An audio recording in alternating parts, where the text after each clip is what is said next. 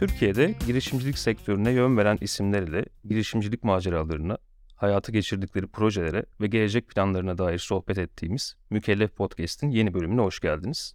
Ben Mükellef ekibinden Ziya.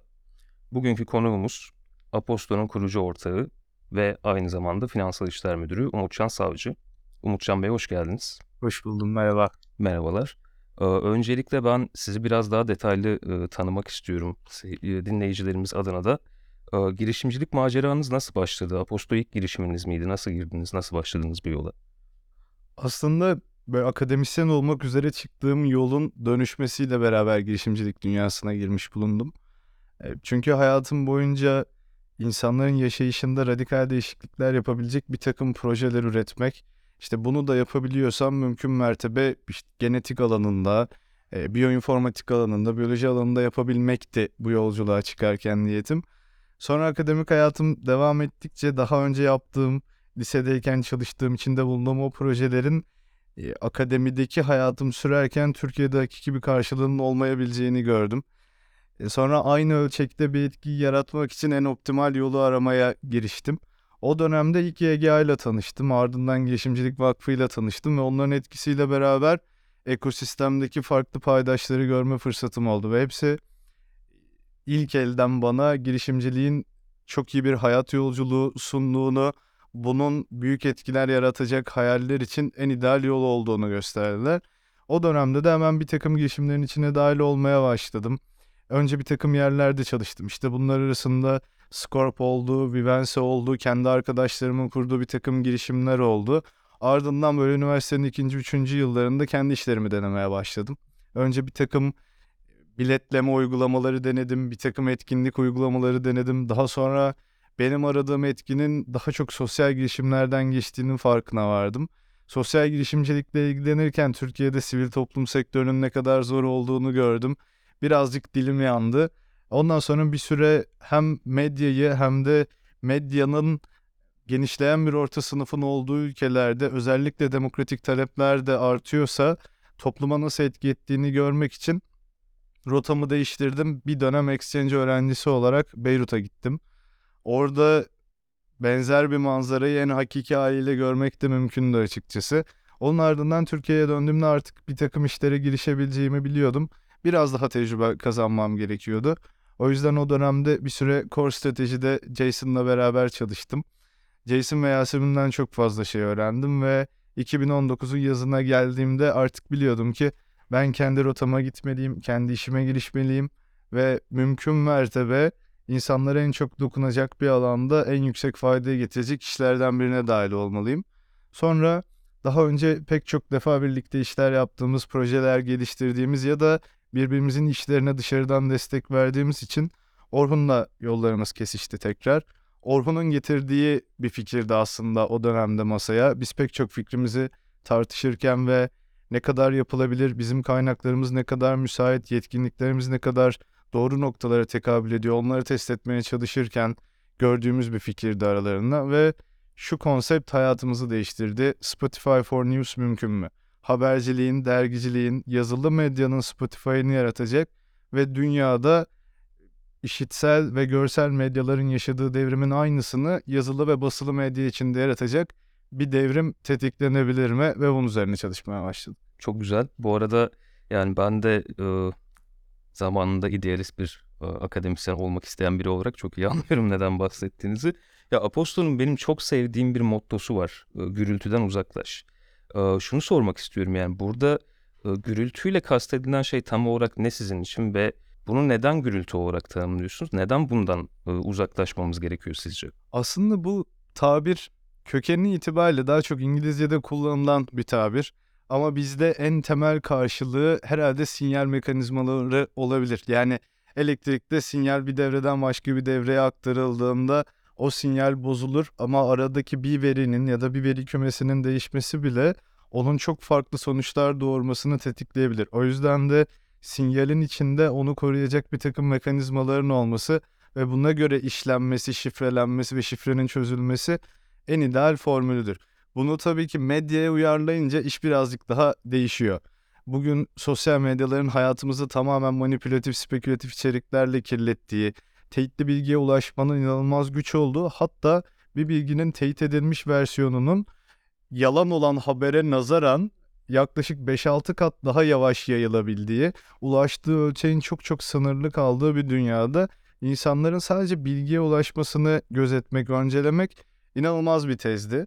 Ve bunun etrafında da bu gürültüyü azaltmak, yani manipülatif, spekülatif bütün detaylardan yalıtmak, içine onu üretenin kendi ideolojisinden, fikirlerinden koyduğu ve bir şekilde yerleştirdiği, okuyanın da tanımlamasının, ayrıştırmasının çok çok güç olduğu o detayları elimine etmek ve hakikaten sadece bilgi almak üzere hareket eden bir insanı bilgiyle donatmak en kritik haliydi. Tabii yol boyunca bizim özellikle haber alanında başlayarak çıktığımız bu yolculuk pek çok farklı alana da e, tesir etti ve bu alanların içinde ürettiklerimizde de kültür endüstrisinde de gürültüyü yalıtmak, burada üretilen işler arasında da manipülatif, spekülatif bir takım şeyler varsa onları ayrıştırmak, haber içeriğini tamamen doğru bir halde, bir formatta okura ulaştırabilmek, bunu mümkün mertebe en iyi formunda yapmak, e, gerektiği zaman işte bizim kullandığımız maddi işaretleri gibi gösterilen bulutları, sub bulutları yerleştirmek ve bunun etrafında formatlamak çok ciddi bir fayda sağlıyordu ve biz de hem tezimizi hem bakışımızı bunun etrafında kurguladık.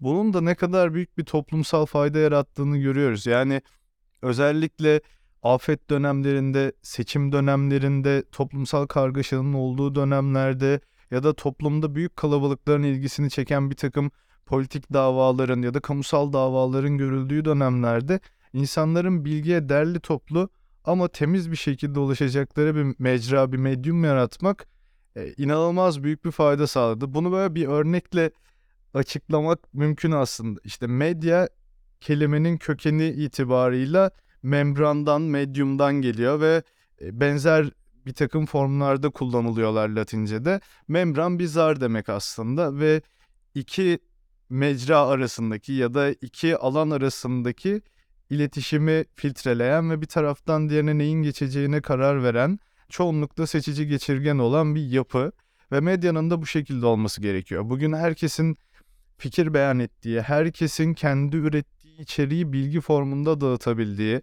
bunun çoğu zaman bir takım kurumların, kişilerin, toplulukların çıkarları için servis edildiği bir dünyada bir filtrenin oluşması, onun bu okyanusu en temiz haliyle damıtması, içindeki metalleri, sülfürü, asitleri, başka bir takım e, hastalık yapıcı etkenleri ayrıştırması ve en temiz formuyla suya döndürmesi gerekiyor.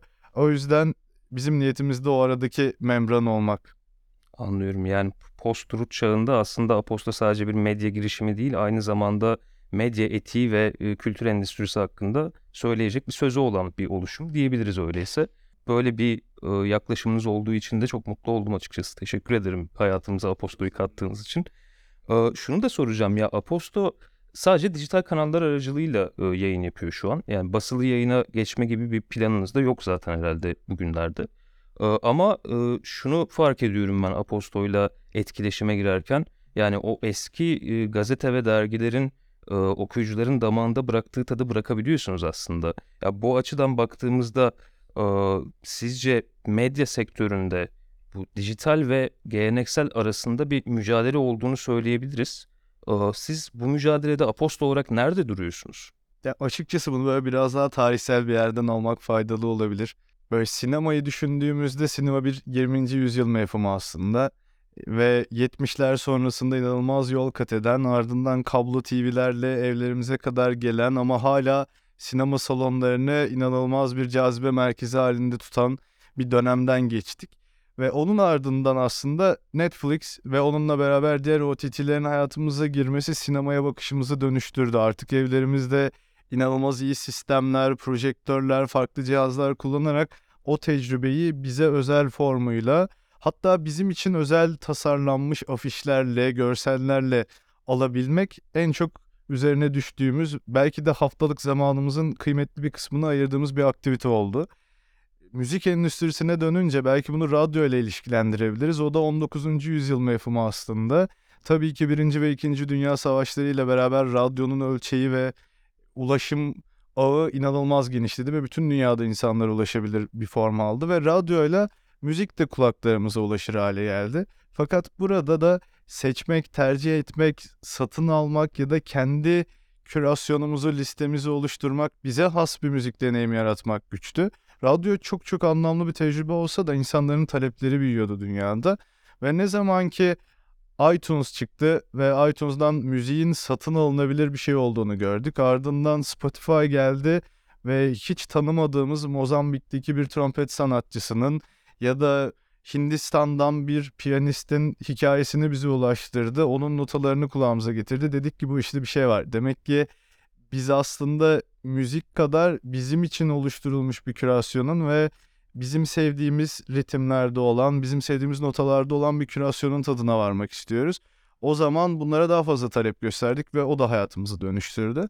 Ama bir de sanayi devrimiyle yani birinci sanayi devrimiyle beraber hayatımıza girmiş bir form var. İşte London Times ilk gazetelerden biri ve 1750'lerde ilk versiyonları ortaya çıkmış. Yani nereden baksak 250-300 yıllık bir format gazeteler ve bugün bize sunulan versiyonları bundan çok çok uzak değiller.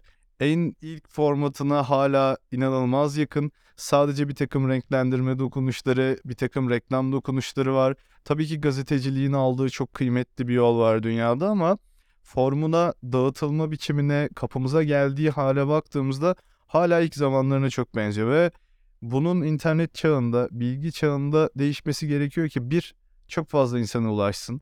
Yani bilgi sadece bir zümrenin erişebildiği bir şey halinde kalmasın. İki, demokratik tartışmalar, toplumun farklı kesimindeki sesler de kalabalıklara ulaşsın. Çünkü bilginin enformasyon formunda devlet tarafından dağıtıldığı haliyle ya da bilgiye dönüştürüldüğü ve kalabalıkların bunu hazmettiği haliyle seslendiği bir takım topluluklar vardı. İlk devleti idare eden e, sınıflar, ardından kalabalık bir zümre, toplumun daha çok sermaye erişimi olan kesimleri. Ama bugün artık herkes, dünyada herkes bilgiye, tartışmaya, demokratik tartışmaya da erişebilmeni ve bu da çok kıymetli bir şey.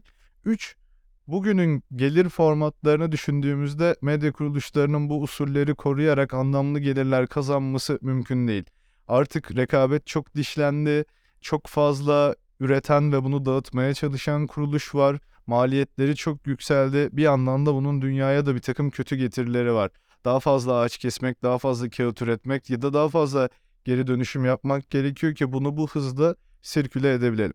Ama dijital dünya bize bunun bütün sınırlarını esnetebileceğimiz yeni formlar sunuyor. Ve bu geleneksele karşı değil. Aslında gelenekselin bir dönüşümden geçmesi gerekiyor tüm dünyada. Ki daha kal- geniş kalabalıklara ulaşsın. Daha anlamlı gelirler kazansın. Gazetecilik tekrar cazibeli bir meslek haline gelsin ve gençler bu alana kanalize olsunlar. Ve doğru bilgiyi üreten, taşıyan, başkalarına aktaran ve bunu doğru bir üslupla, doğru bir dille yapan insanlar daha yüksek itibar kazansın toplumda.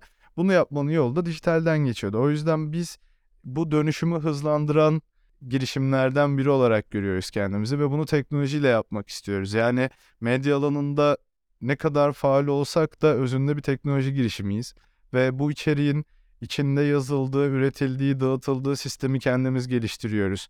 E-postanın formatından içinde bu içerikleri dağıttığımız uygulamalara kadar her şeyi kendimiz geliştiriyoruz. Yayıncı kuruluşlar arasında işbirliklerini mümkün kılabilecek, kimi zaman blok zincir tabanlı, kimi zaman başka formlarda teknolojiler de geliştiriyoruz ki kendimiz dışında ekosistemin paydaşlarını da bir çatı altında buluşturabilelim ya da birbirleriyle çalışmalarını sağlayalım. Bir yandan bu bilginin en optimal formuyla ve kolay erişilebilir bir şekilde okurlara ulaşması için makine öğreniminden, yapay zekadan faydalanıyoruz. O yüzden bir medya şirketini artık dünyada da bu teknolojilerden bağımsız düşünmek mümkün değil. Biz biraz daha bu geçişi hızlandıran, tarihin o kritik noktasında rol oynayan bir girişim gibi görüyoruz. Önümüzdeki yıllarda da bu alanda sarf ettiğimiz emeğin daha büyük meyveler vereceğini görüyoruz şimdiden. Onunla beraber bu dönüşüm daha hızlı olacaktır bence. Şöyle bir sorun var şimdi az önce bahsettiniz zaten mobil uygulama ve web sitesinden. Yani Aposto'nun kendi içindeki dönüşümle alakalı olarak e, söylemiştiniz zaten e-mail bülteni olarak aslında ilk başta e, çıkmıştı. Fakat e, Haziran 2022'de yanlış hatırlamıyorsam bir lansman yaptınız ve yenilenen mobil uygulama ve web sitesini tanıttınız. Yani e-mail bülteni formatıyla başlamıştı Aposto. Hatta dediğiniz gibi Spotify'dan esinlenerek aslında başlamıştı. Da hala sanırım Aposto gündemde playlist paylaşmaya da devam ediyorsunuz bir gelenek olarak. Ya buradan e, bu formattan mobil uygulama ve web, web sitesine geçiş e, nasıl oldu? O süreç Aposto için e, nasıldı ve neler kattı Aposto'ya? Neden böyle bir dönüşüme ihtiyaç duydunuz? Açıkçası ilk dönem çoğunlukla bizim bu yayımları ürettiğimiz, yazılı formda bu içerikleri dağıttığımız ve bizim de medya dünyasını daha yakından öğrendiğimiz bir dönemdi. Hem o dönemdeki tecrübemiz hem de bir yandan bu içerikleri geliştirdiğimiz teknolojinin içinde dağıtabiliyor olmak bir takım kapılar açtı. Biz asla bu işi tek başımıza yapmak istemiyorduk örneğin. Çünkü çok sesliliğe inanıyoruz. Ee, Bir demokrasinin de işlevsel hale gelebilmesi için farklı seslerin eşit miktarda yükselebilmesi gerektiğini düşünüyoruz ki anlamlı bir tartışma olabilsin ve bu tartışma modere edilebilsin. Ve en nihayetinde biz tamamen bağımsız kalsak da yani hiçbir toplulukla, hiçbir politik grupla, çıkar grubuyla, şirketle ilişkilenmesek de özünde editörlerimizin her birinin bir takım fikirleri ve kanaatleri var. Ve bu yeme içme alanından siyasete, teknolojiden seyahate kadar pek çok alana da sirayet edebilir ki hakiki bir medya tecrübesinin içinde bunun şeffaflıkla ulaşması en ideal meselelerden de biridir. Ama biz istedik ki buradaki yapı bir gün gerçekten yazılı medyanın geleceğinde Spotify gibi olabilecekse, Netflix gibi olabilecekse çok sesli olmalı. İçinde farklı topluluklar barındırmalı ve farklı uzmanlık alanlarından insanlar gelip kendi tecrübelerini aktarabilsinler ki e, tekrar şöhret ve itibar aynı yere doğru hareket etmeye başlasın. O yüzden bütün bunları düşününce kapıları açmak gerekiyordu. İlk dönemde de biz Türkiye'de önce e-posta üzerinden ardından da dijital yayıncılığın yazılı anlamda yayılması, yaygınlaşması için çok fazla çaba sarf ettik ve pek çok yayıncıyı da kabul ettik içeriye. Ya da yayıncı olma inisiyatifini almış herkesi kabul ettik ve onları bir prosesten geçirdik. Bu süreç boyunca bir yayını nasıl üretebileceklerini, bir e-posta yayınının kendi doğal sınırlarını, teknolojisi itibariyle sınırlarını gösterdik. Nasıl markalaşabileceklerini, bir yayının nasıl dijital bir markaya döneceğini gösterdik ve birlikte hem e, bir takım etik standartlara hem de bir takım editoryal standartlara uyacak şekilde bu yayınların geliştirme sürecini tamamladık beraber. E, Ve bu yolculukta fark ettik ki belli yayınların, belli grupların bir arada var olması, birlikte üretebilmeleri ya da farklı dikeylerde bizden çok daha kaliteli işler çıkaran niş yayıncıların gelip içeride kendini anlatması ve tecrübesini, uzmanlığını aktarması insanlar için çok daha büyük bir değer vaat ediyor. O zaman burada kapıları biraz daha tutmak gerekiyor diye düşünmeye başladık. Çünkü herkesin gelip de içerik üretebildiği ve kapıları tamamen açık olan medyumlar hızla kirleniyordu dünyada da. Ve burada bir takım formlarda gelir vaat edilmesi içeriğin biçiminin de hızlıca dönüşmesine sebep oluyordu ama yazılı formu korurken entelektüellerin içinde içerik üreteceği yeni bir dünya yaratabilmek ancak kapıları tutarak mümkündü. Kapıları tutmaktan kastım da şu bir alanda belli bir uzmanlığı olan, uzunca yıllar boyunca o alanda tecrübe edinmiş ve bunu doğru bir dil, üslup ve etik standartlar çerçevesinde aktarabilecek herkesi içeri kabul etmek aslında bu kapıları tutmak ve bugün çoğu mecranın ya da çoğu medyumun, platformun yapmadığı bir şey. Biz o yüzden bir medya servisi olarak kendimizi ayrıştırdık bu yolculukta ve yolumuza da çoğunlukla bu yönde adımlar atarak devam ediyoruz. Böyle olunca da e-posta tek başına geçerli bir form olmamaya başladı.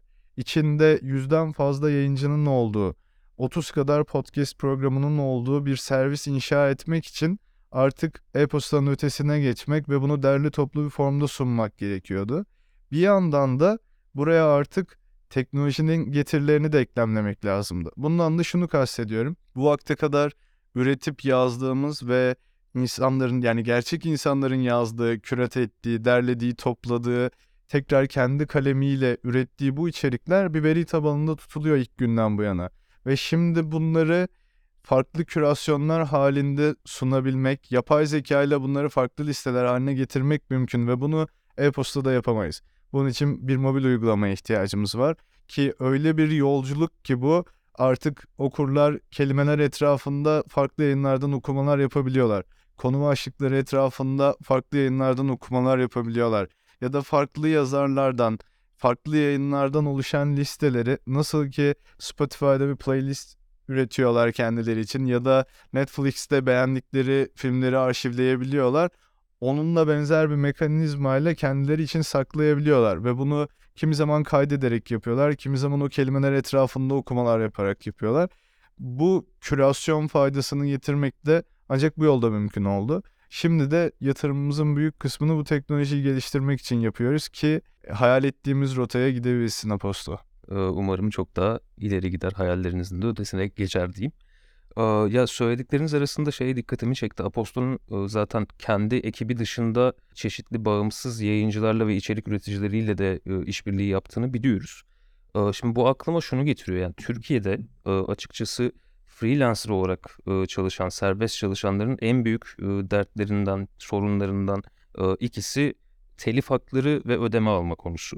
Yani Apostol'un e, belli etik değerlere sahip olduğunu zaten biliyoruz. E, Bu değerlerle paralel olarak da e, bu konuda hassasiyet gösterdiğini de biliyoruz. A- Aslında biraz da e, diğer medya kuruluşlarına örnek olması açısından e, bu sorunları nasıl çözdüğünüzden biraz bahsedebilir misiniz? Ya özellikle yazın dünyasında bir iş üretmek hakikaten zor ve çok uzun yıllar yapılan bir entelektüel yatırımın çıktısı. O yüzden karşılığının da çok ciddi ve yüksek olması gerekiyor ve biz de elimizdeki kaynakları mümkün mertebe hem yayıncılarımıza hem de bizim yayınlarımıza konuk yazar olarak gelen kimselere dağıtmaya çalışıyoruz ve bunun için en temel formlardan biri telif.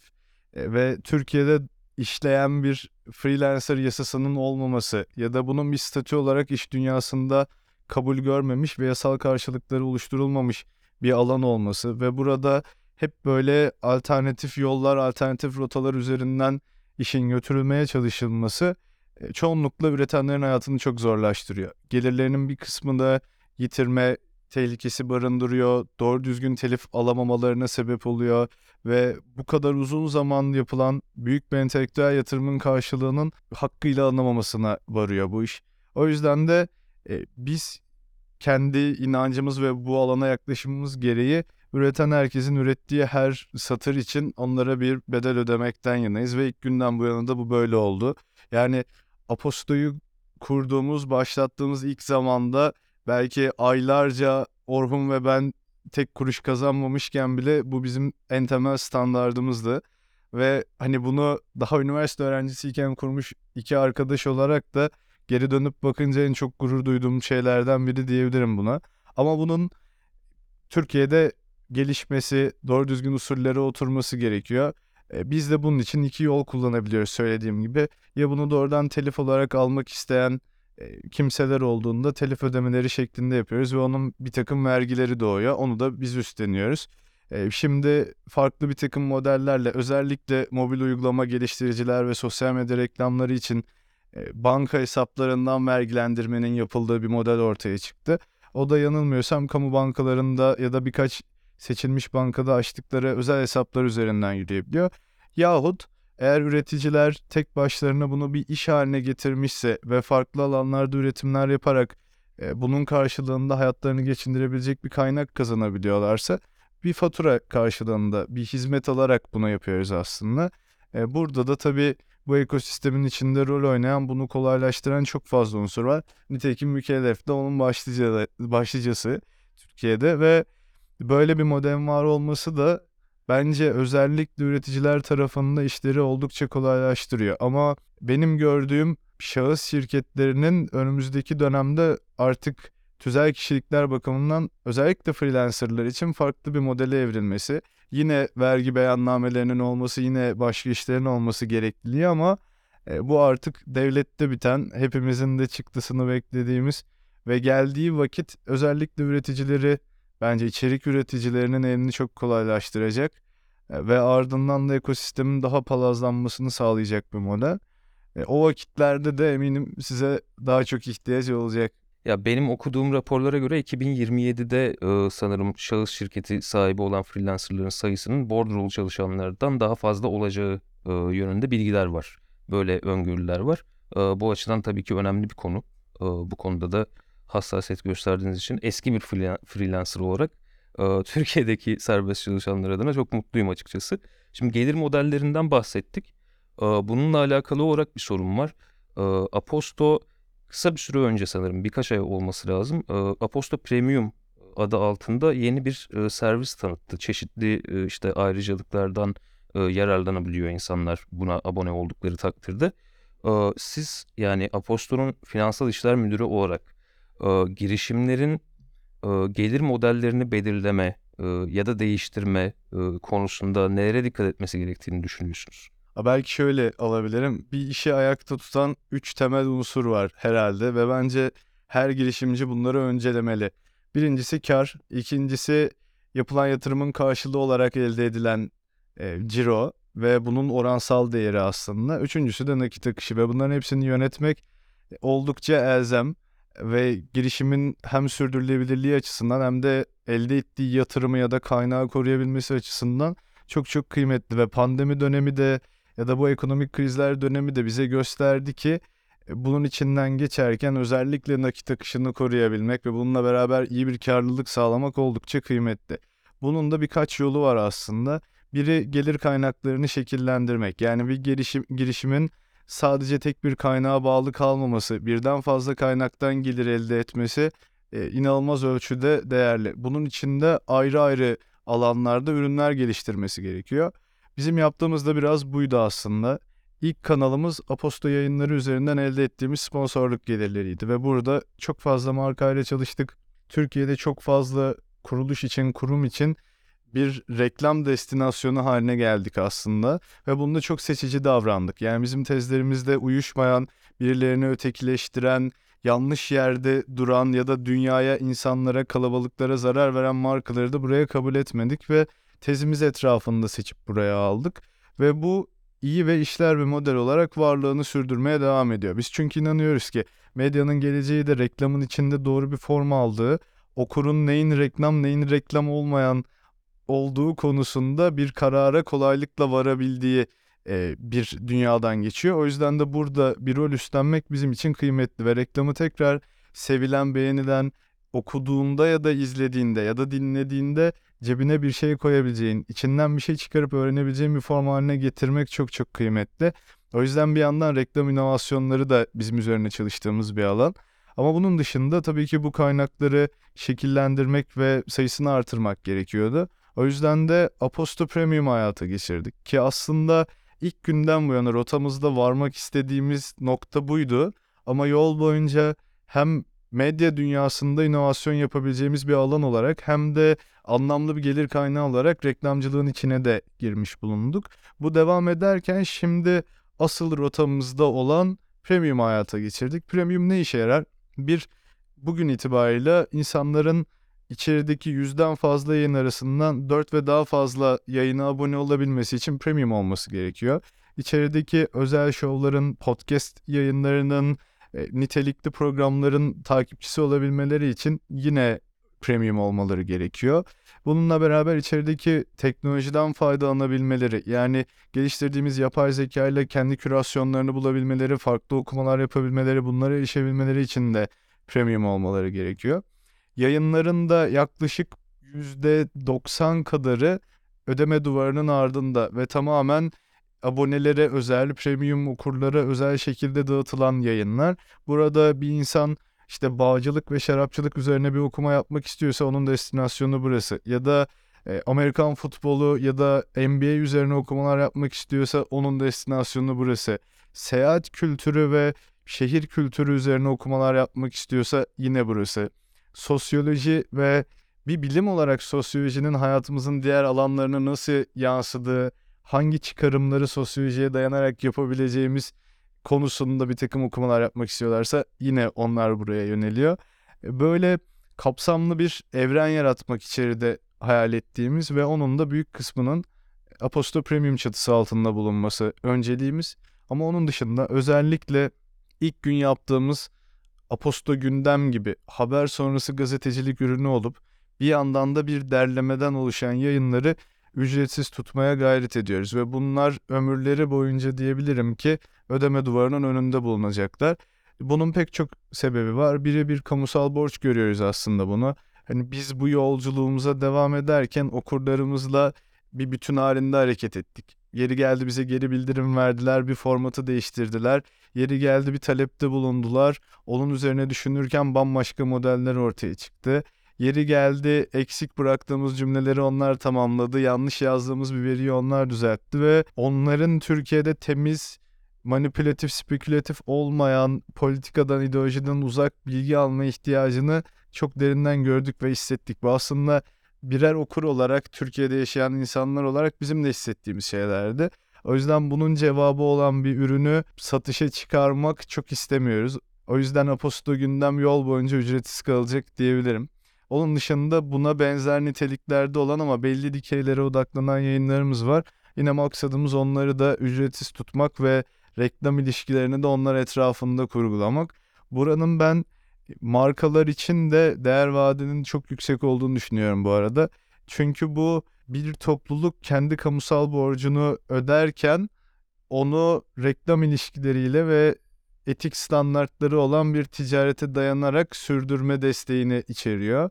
Bunu bir arada götürebilmek ve iki tarafın da birbirine fayda sağladığı bir usulle bunu yapmak bence bugün medyada gördüğümüz pek çok reklam alanına nazaran çok daha itibarlı diyebilirim. Yani çok daha kişiselleştirilmiş bir içerik sunuyorsunuz aslında okuyuculara ve aynı zamanda reklam verenler için de doğru hedef kitleye ula- ulaşmayı sağlıyorsunuz. Evet yani bir odadaki en akıllı insan olmak isteyen herkesin rotasından geçmeye çalışıyoruz. Şu ana kadar hep lokal e, bahsettik yani Türkiye özelinde konuştuk ama e, Türkçenin yanı sıra Aposto'nun bir de e, Aposto Europe adı altında e, Avrupa odaklı e, yayınlar yaptığı, içerikler ürettiği e, başka bir bültenin daha var. E, Şimdi girişimcilik sektörünü düşündüğümüzde özellikle son birkaç yıldır tabii e, döviz kurlarının da etkisiyle e, globale açılmak çok popüler bir hedef haline geldi. E, Bu açıdan Aposto Europe'u da Aposto'nun globale açılmak için attığı adımlardan biri olarak değerlendirebilir miyiz? Tabii tabii yani şöyle özellikle nüfusu çok kalabalık bir ülkede olmak girişimcilerin çoğunlukla lokal bir perspektife eğilmesine sebep oluyor.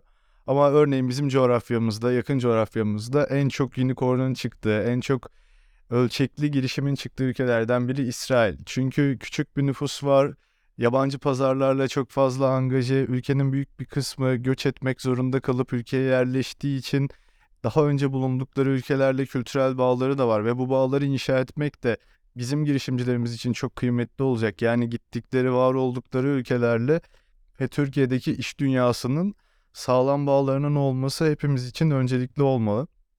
Ve bunun var olduğu bir ülkede girişimcilik ekosisteminin tamamen global düşündüğünü, ürünlerinin tamamını bütün dünyada kullanılmak üzere hazırladığını, bu yüzden de gelebilecek bütün e, rekabete karşı, işte teknolojik saldırılara karşı kendini hazırladığı bir yoldan geçtiğini görüyoruz ve bu rekabette de başarılı olduklarını bu vakte kadar 20'ye yakın unicorn'un çıktığını belki hatta geçmiştir bile e, biliyoruz.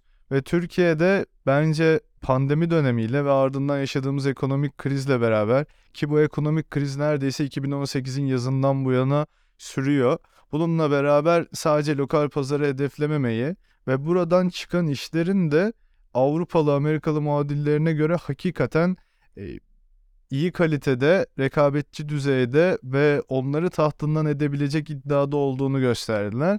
Ve bunun devamlılığı hepimiz için elzem. Biz de tabii ilk günden bu yana maksadımız bunu daha küresel bir iş haline getirmek ve dünyanın her tarafında kullanılan bir uygulama olmasını sağlamak.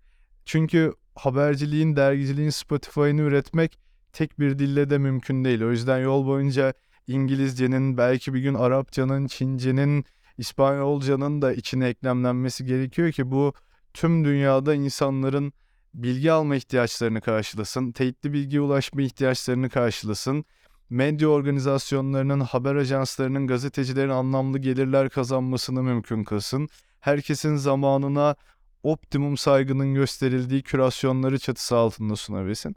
O yüzden biz de bunu hep hayal ettik. Yani o yüzden Aposto ismini de kullandık. Aposto İtalyanca her şeyin yerli yerinde olması anlamına geliyor.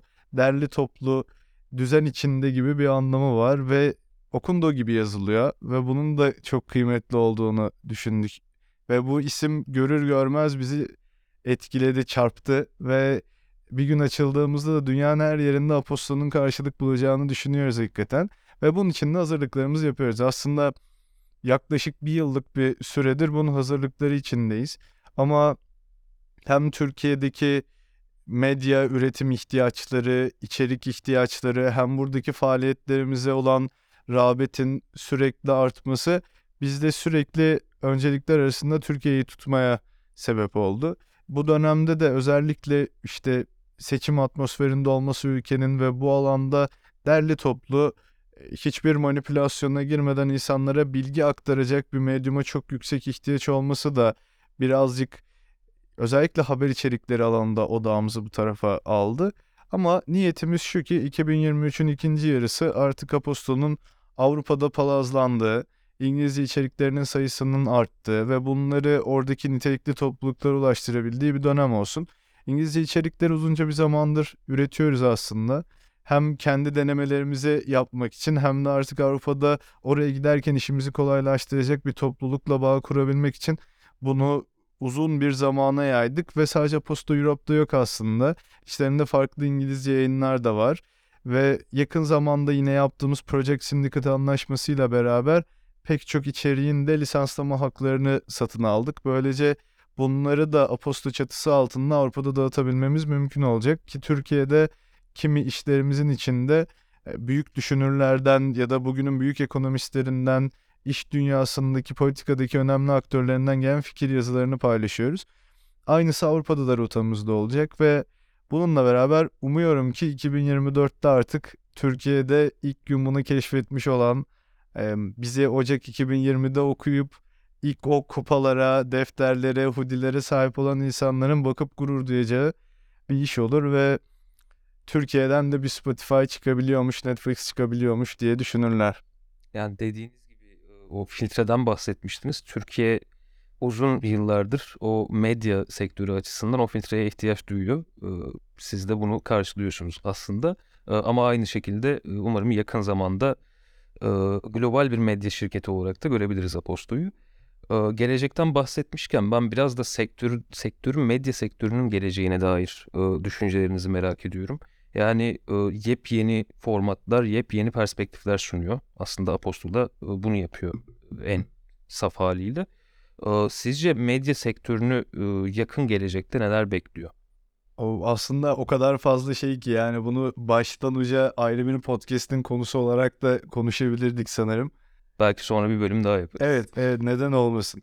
Yani bir gelir kaynakları problemini çok net görüyoruz. Çünkü gördüğümüz mecraların ya da medyumların var olan düzenleriyle yeterince bir gelir yaratması mümkün değil. Yani bugün çoğunlukla WordPress'e sıkışıp kalmış, daha eski formlarındaki web siteleri üzerinden yürüyen bu medya servislerinin ya da gazetelerin, yayınların bir şekilde dönüşmesi ve Google reklamlarından kurtulması gerekiyor. Bu yüzden de daha çok aboneliğin hayatımızda olacağı ve yazılı medyaya da para ödemeye alışacağımız bir geçiş dönemi öngörüyorum ben. Bunun ardından da bizim bugün yaptığımız gibi farklı medyumların doğacağını tahmin ediyorum. Yani tüm dünyada ki benzer modeller inşa etmeye çalışanlar oldu. Daha önce işte Medium, entelektüellerin, iş insanlarının içinde içerik üretebileceği ve bundan gelir kazanabilecekleri bir form yaratmaya çalıştı. Yine bu yolda görece başarılı olduğu ülkeler oldu ama başarısız olduğu çok fazla yer oldu ve bugün neredeyse biraz yitip gitti bizim ekosistemimizde en azından. Substack benzer bir yoldan geçiyor. Substack'te özellikle gazetecilerin, dergicilerin kendi aboneleri üzerinden o sadık bin kişiyi bularak hayatta kalmalarına dayalı bir model kurguluyor. Ama biz bunun ötesinde bir medyumun çatı olduğu, üreticileri finanse edip destekleyebildiği, onlara üretimlerinin karşılığı olanı doğrudan ilk elden ödeyebildiği ve bunu e, abonelerle olan ve dalgalanabilecek o ilişkiye bağımlı bırakmadığı bir dünya hayal ediyoruz ve bunun için de üretmek bizim maksadımız ve bunun benzerlerinin de hayata geçeceğini zannediyorum. Bunun dışında da özellikle mikro yayınların, mikro yayıncıların projeler etrafında markalarla bir araya geleceğini ve artık bugünkü influencer ekosisteminin yol içinde yayınlara ve dijital yayınlar yapan markalara evrileceğini, o markaların da başka markalarla eşleşerek yollarına birlikte devam edeceklerini öngörüyorum. Bu yazılı alanda da geçerli. Yani bir newsletter üreten, newsletter başlatan iki kişilik bir inisiyatif isimlerinin ötesinde o yayını markalaştırarak onun etrafında bir gelir modeli kurgulamak durumunda kalacak. Hem etik standartları gözeterek hem de bu ilişkileri uzun vadeli ve stabil bir noktaya götürerek bunun da pek çok mikro yayının var olması yoluna sokacağını tahmin ediyorum. Yani bu desentralizasyon sürecinin yayıncılığa da tesir edeceği öngörüsündeyim. Yani bu cevabınızda aslında medya sektörüne dair fikirlerini hayata geçirmek isteyen yeni girişimci adayları için güzel öneriler vardı.